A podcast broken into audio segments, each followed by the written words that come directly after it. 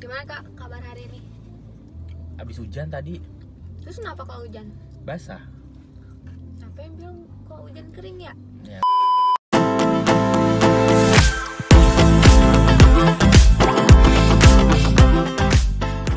Kak, jadi kemarin kan kita udah bahas tentang trading dan investasi tuh. Ingat nggak? Lupa. Ya faktor umur. Iya, kemarin kan udah bahas tentang itu. Terus aku bilang nanti next episode kita akan bahas tentang eh, tradingnya sendiri kan. Hmm. Jadi hari ini aku pengen bahas tentang trading itu kak. Aku Kita- mau nanya. Kita bahasnya trading yang khusus tentang robot trading aja kali yuk. Hmm, Soalnya itu lagi lagi dicomot. lagi hype juga banyak teman-temanku yang lagi ditawarin robot-robot trading gitu terus ada yang ada yang ketipu gitu Robot ini maksudnya bot kan ya? Hmm, bukan robot mainan. bukan robot fisik Iya bukan. ya kita kita ngomongin robot trading aja ya Oh boleh robot boleh. trading Jadi emang robot trading tuh sebenarnya definisi umumnya apa kak? robot trading itu robot robot itu artinya sebuah sistem otomatis gitu kan Hmm, namanya teknologi bikin robot-robot gitu kan buat membantu eh, aktivitas manusia gitu kan. Jadi Mm. dalam dalam trading tuh ada namanya robot trading atau bot gitu. Itu untuk membantu melakukan trading. Jadi yang ngelakuin trading itu bukan kita, bukan Sistem ya? oh ya sistemnya Oke. bukan orang aslinya. Jadi dia otomatis gitu dari sistem gitu. Dia yang transaksi, dia yang jual, dia yang beli, Hmm. semua yang lakuin itu si robot itu. Jadi kita AF- AFK aja ya? Apa tuh FK? Ya kayak nggak ngapa-ngapain sebenarnya. Itu istilah dalam game sih. Hmm, pantas bukan gamers. Jadi gitu, eh, robot trading itu sebenarnya sebenarnya itu dia udah lama juga sih sebenarnya. Udah ada, cuma baru belakangan ini setahun dua tahun terakhir ini lumayan hype gitu. Hmm, emang gimana sih kak cara kerjanya tuh sebenarnya? Si robot itu. Iya. Jadi robot robot itu sebenarnya juga kan nggak nggak tiba-tiba muncul gitu kan. Pasti ada yang bikin kan. Tuh. ada yang bikin orang yang hebat lah. Jadi yang bikin robot ini pasti orang trader juga. Dia trading juga. Hmm, kenapa dia bisa menciptakan robot? Karena dia udah ngelakuin trading sendiri dia transaksi sendiri.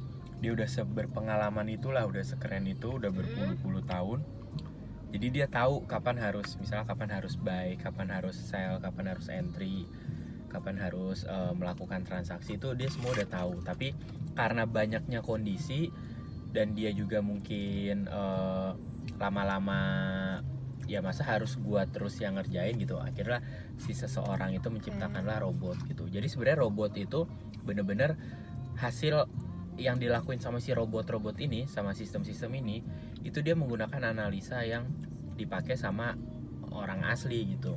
Akurat. ya plus minus. Hmm, jadi yang bikin juga banyak macem gitu banyak perusahaan banyak orang yang menyiptain robot ini. Misalnya kayak aku aku punya satu teknik sendiri dalam melakukan trading saham. Hmm, terus kalau misalnya aku mau aku ngerti bisa bikin robot ya aku bisa menciptakan diri aku sebagai robot gitu jadi robot yang melakukan gitu. Jadi sebenarnya kalau kita bilang akurat atau nggak akurat balik lagi ke siapa yang bikin sih. Tapi yang pasti kalau menurutku nggak akan ada yang 100% akurat gitu. Pasti ada 1 2 atau 10 20% itu loss gitu. Karena robot itu ya hasil ciptaan manusia yang si manusia itu em, melakukan analisa sendiri juga. Jadi cara kerjanya dia dia dia ngelihat histori jadi dari misalnya katakanlah ini sebenarnya robot ada di macam-macam instrumen ya macam-macam instrumen anggaplah misalnya di saham di saham jadi dia ngelihat histori gitu misalnya ada satu emiten satu eh, perusahaan dia baca eh, histori pergerakannya tuh setahun terakhir dua tahun terakhir atau tiga tahun terakhir gitu Itu dia histori baca. dia. histori si sahamnya Oh. Histori si sahamnya si emitennya. Jadi dikelola datanya. Misalnya histori itu contohnya sesimpel gini. Misalnya oh setiap Januari tuh eh, saham si BCA ini naik. Gitu. Setiap Februari sampai April misalnya tuh sahamnya turun gitu. Nah itu data-data itu dikumpulin diolah dijadikanlah sebuah sistem atau robot gitu. Jadi once orang pakai itu ketika make itu di bulan Januari si robot ini kan eh, sudah mendeteksi harganya akan naik gitu misalnya. Jadi Iya. si sistem atau si robot ini akan melakukan eksekusi mungkin buy gitu misalnya. Jadi dia ngebaca historinya udah dapet histori datanya lengkap terus dilakukanlah eh, dalam bentuk sistem gitu. Jadi orang tinggal otomatis lah gitu. Itu itu kalau yang robot sebenarnya. Jadi robot sama kalau di di saham itu ada yang namanya automatic order. Kalau automatic order ini sebenarnya nggak 100% robot tapi kita yang mengendalikan sendiri. Nggak continuous panjang ke depan gitu tapi kita bisa setting sendiri. Gua mau buy kalau kondisinya bla bla bla bla. Gue mau sell kalau kondisinya bla bla bla bla. Nah itu kita setting sendiri terus kita submit datanya. Nanti udah kita nggak usah ngeliat-ngeliat market lagi nggak usah buka-buka aplikasi lagi nanti begitu kondisi yang udah kita set, eh, setting itu tercapai Hmm. terjadi terpenuhi ya udah transaksi kita ke eksekusi sama sistem Tapi ada nggak sih kak buat yang kayak eh, bohong gitu loh? Maksudnya kan kita percaya sama sistem gitu karena ada gimana gitu. Ya dia makan dulu. gimana kak? Hmm. Kalau bohong atau nggak bohong, sebenarnya kalau menurut gue banyak oknum-oknum yang menyalahgunakan tren eh, robot trading ini. Jadi kalau yang bener-bener robot, bener-bener ada gitu sistemnya ya, sistemnya itu bener-bener ada. Itu dibikin sama orang trader profesional yang memang sudah dia ngerti. Itu ya bener, ad, bener adanya gitu. Kalau ngomongin bener atau nggak bener itu bener. Tapi akurat atau nggak akurat ya balik lagi siapa yang siapa yang ciptain robot itu gitu.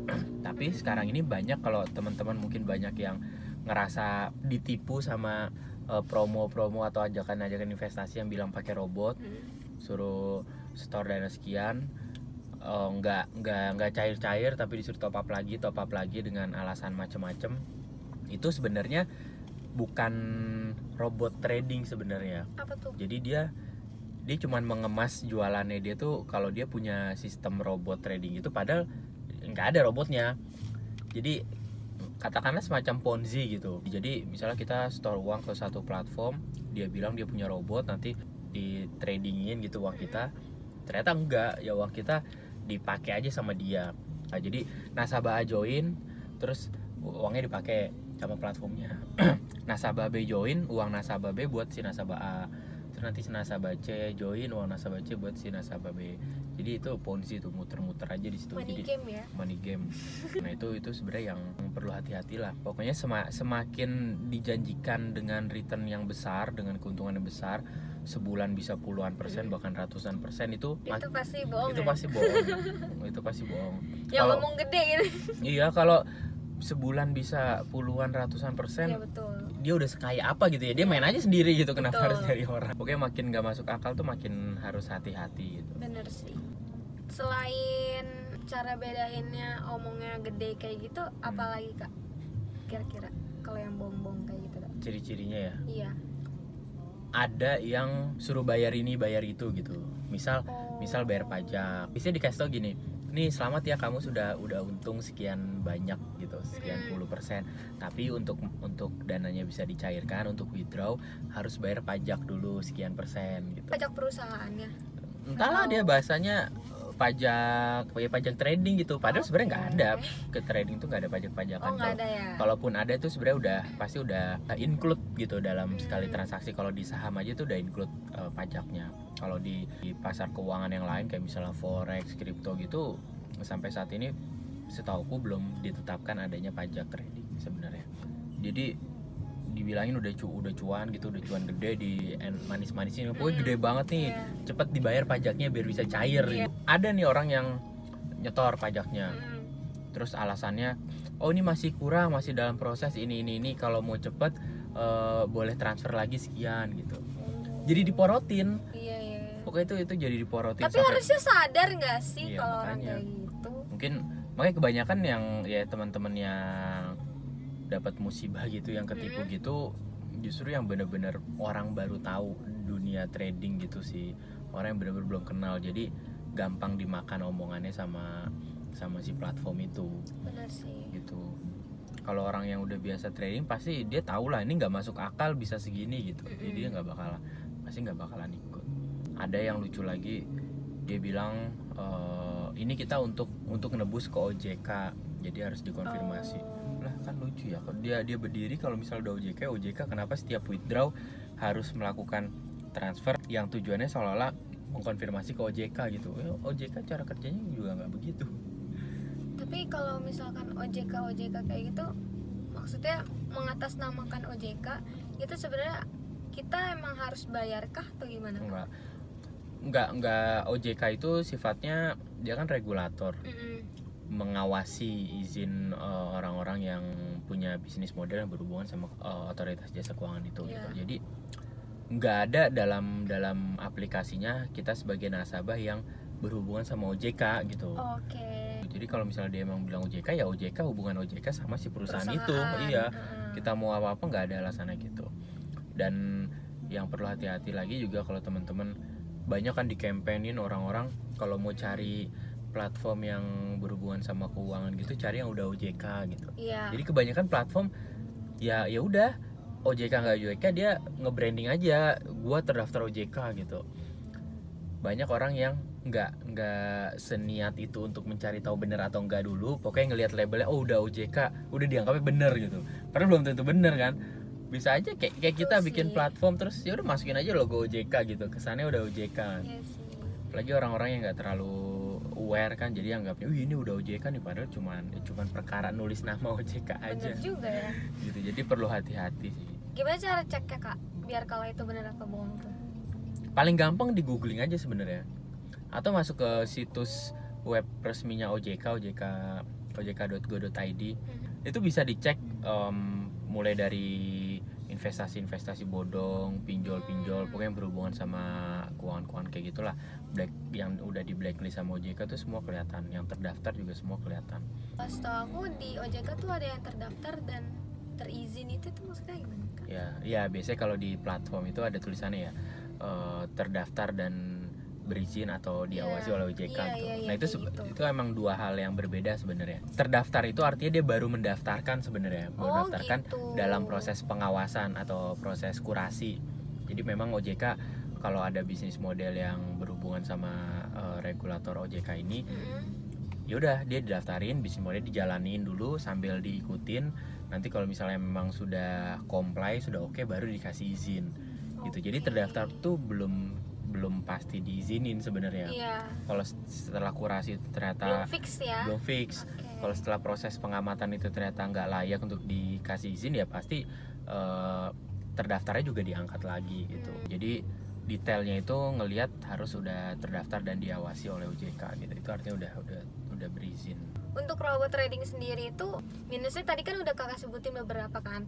Kira-kira ada nggak sisi plusnya gitu? Plusnya yang pasti namanya robot sistem otomatis gitu ya kita nggak perlu capek-capek analisa sebenarnya.